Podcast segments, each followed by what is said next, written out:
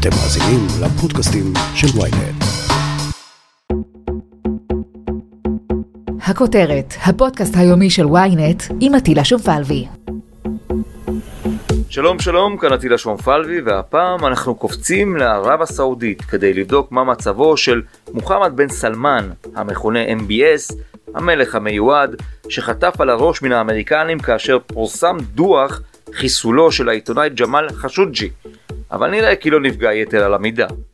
יורש העצר הפך בשנים האחרונות לדמות שמרתקת את הדמיון של הישראלים, שעוקבים בעניין רב אחר מעלליו והחלטותיו בתוך הממלכה, מתוך תקווה כנה להסכם נורמליזציה בין שתי המדינות, והרבה, יש לומר, תלוי על כתפיו של MBS.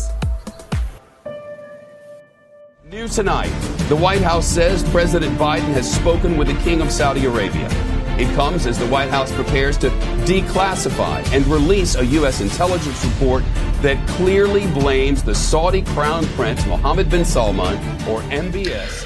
ליעד אוסמו, בואו נדבר על MBS, דמות מרתקת, חטפה איזו נזיפה קטנה מהאמריקאים, אבל לא נראה לי שזה יותר ממכה קלה בכנף, לא? אה, אפשר להעריך שזאת בהחלט אה, מכה קלה בכנף, אם, אה, אם עברנו את השיא כבר, ונראה שדי עברנו את השיא.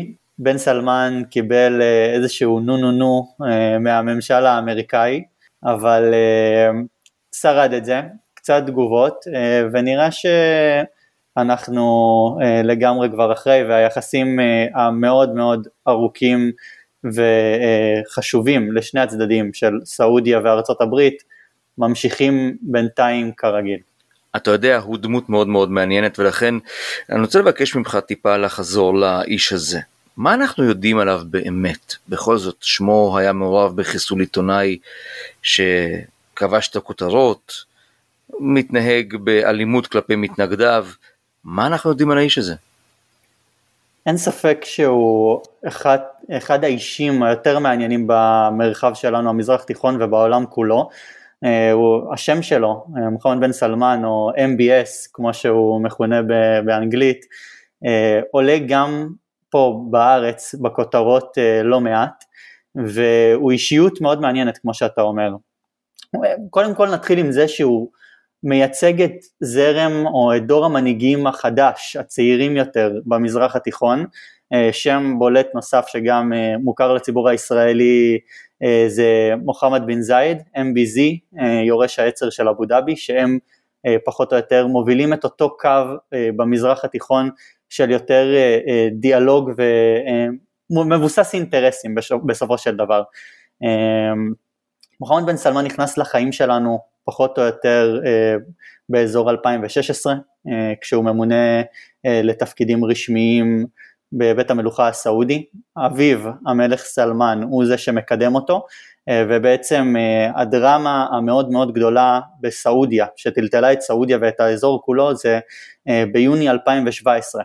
אז הדיח המלך את יורש העצר מוחמד בן נייף, ובעצם מסית אה, את, ה, את אותו גורם או את אה, אה, שאר הנסיכים מהמסלול של בן סלמן לעבר המלוכה העתידית כשהוא בעצם ממונה גם ליורש העצר הסעודי וגם לשר ההגנה.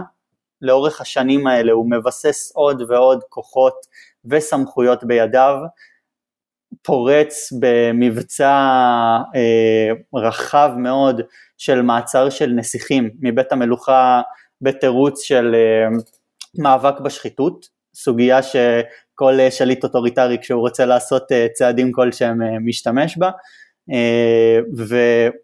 ומכפיף יותר ויותר את מנגנוני הביטחון שהיו קשורים לממסד אליו, ישירות אליו, וכמו שאתה הזכרת מקודם, בהקשר של חיסול של ג'מאל חשוקג'י, העיתונאי הגולה, גם שם אנחנו רואים את היכולת של MBS, את הזרועות הארוכות שלו לכל מקום בעולם, כולל לאיסטנבול, לשם הוצאת תהליכים שהוא מעוניין אתה בהם. אתה חקרת את קבלת ההחלטות, את הדרך שבה הוא מקבל את ההחלטות שלו במשך כמה שנים. ליד, האיש הזה הוא עשוי מחומר של מנהיגים שאפשר לסמוך עליהם, או שמדובר בנסיך קפריזי שיש לו יותר מדי מיליארדים חופשיים וכוח גדול מדי בידיים.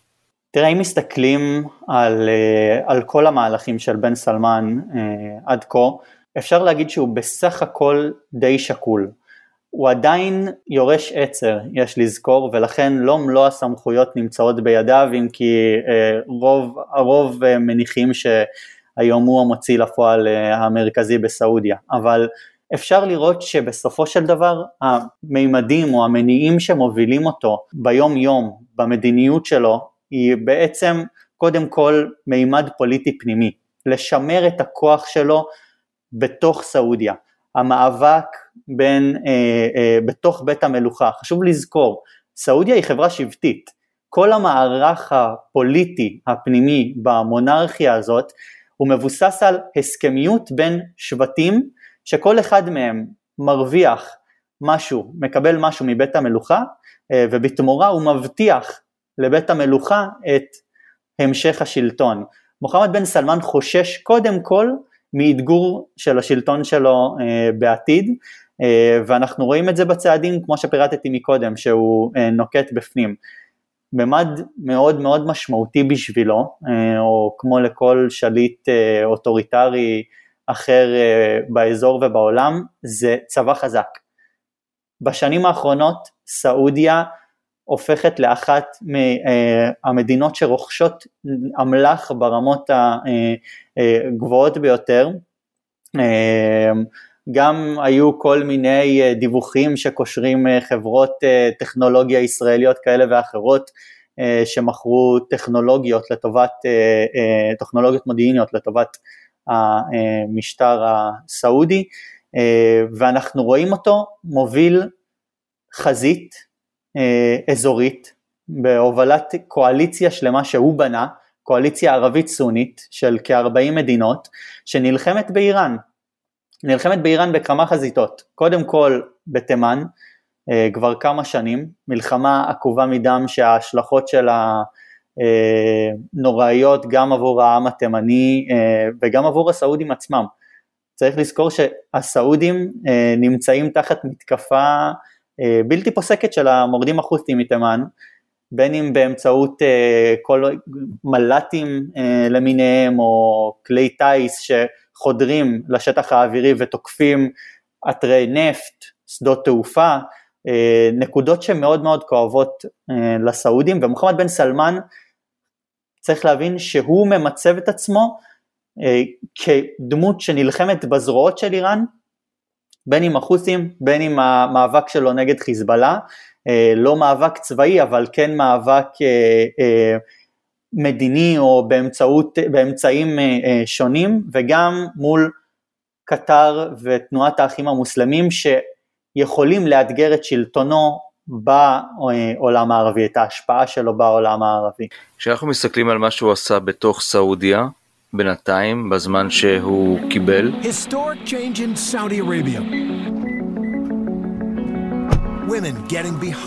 הוא עשה המון למען הצעירים, זאת אומרת הוא נתן שם את התחושה שהוא פותח את הממלכה לעולם. נשים נוהגות, הופעות, קונצרטים, מופעים שלא ראו זרק אור בסעודיה קודם לכן.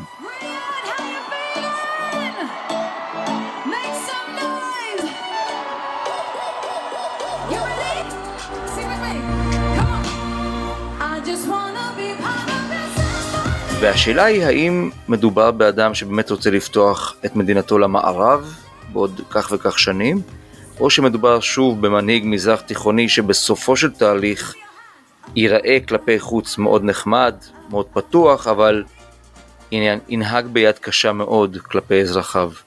לחלוטין עטיל, אתה נוגע פה בנקודה שקשורה למוחמד בן סלמן.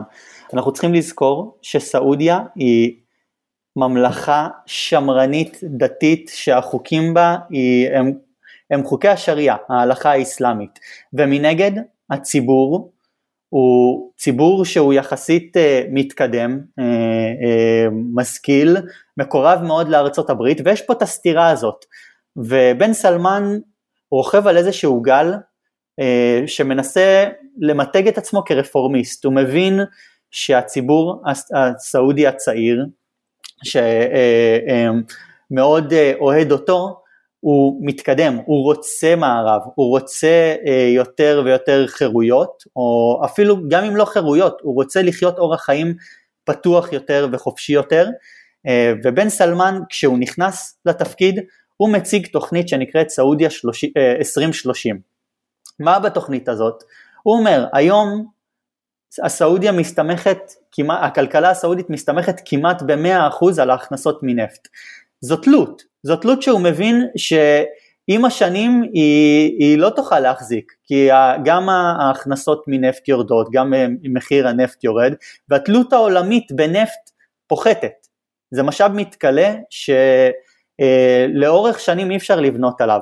אז הוא אומר, אני בא להתמודד עם החולאים של הכלכלה הסעודית, יותר השקעה בתיירות, יותר השקעה בתחבורה, פיתוח של תשתיות במדינה, להביא אה, אה, פתרון לצעירים ש-70% מהם, 70%, 70% מהסעודים הם מתחת לגיל 30, קבוצת גיל שמאוד משמעותית בשביל בן סלמן כמי שבונה את עצמו להיות מלך עוד שנים רבות קדימה ובאותם 70% מהאוכלוסייה האבטלה נעמדת ב-30%, הוא צריך למצוא להם פתרונות, הוא צריך להביא משקיעים מבחוץ. את כל הדברים האלה, אז בין היתר הוא מנסה באמצעות שיפור פני סעודיה, מה זה אומר?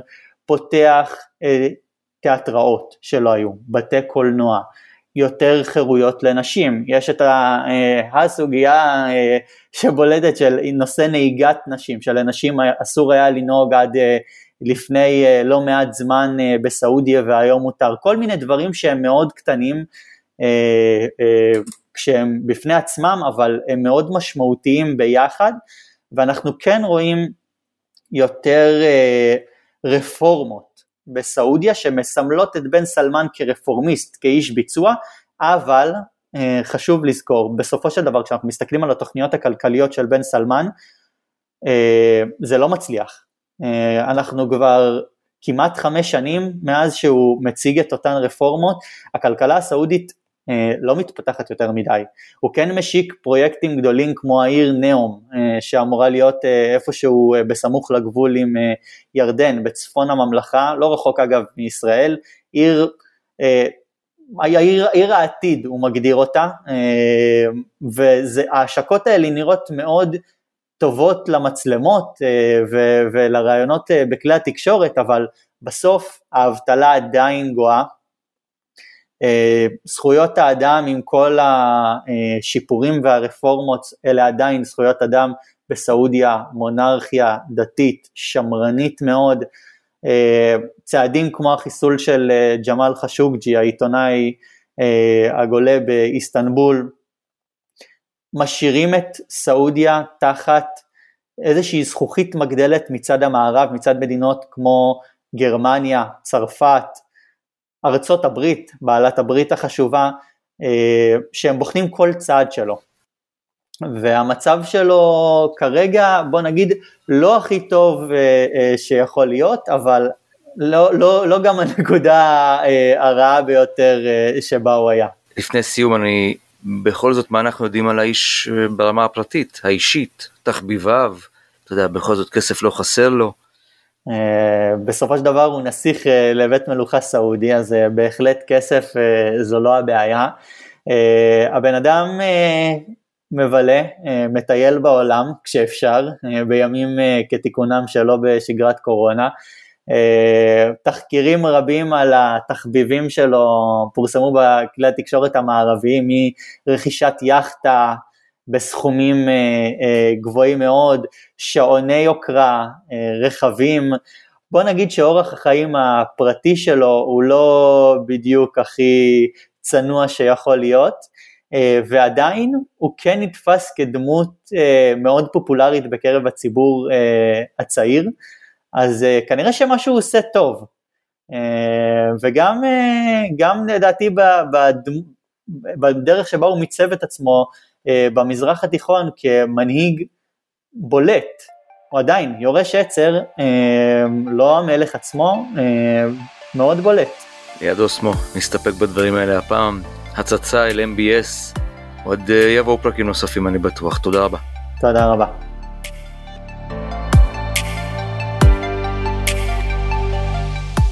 עד כאן הכותרת להיום, מחר נהיה כאן שוב עם פרק נוסף. אתם יכולים להאזין לנו בוויינט, בספוטיפיי, באפל ובכל אפליקציות הפודקאסטים באשר הן.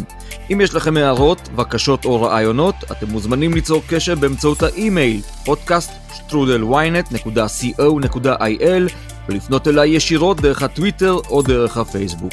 נשתמע מחר.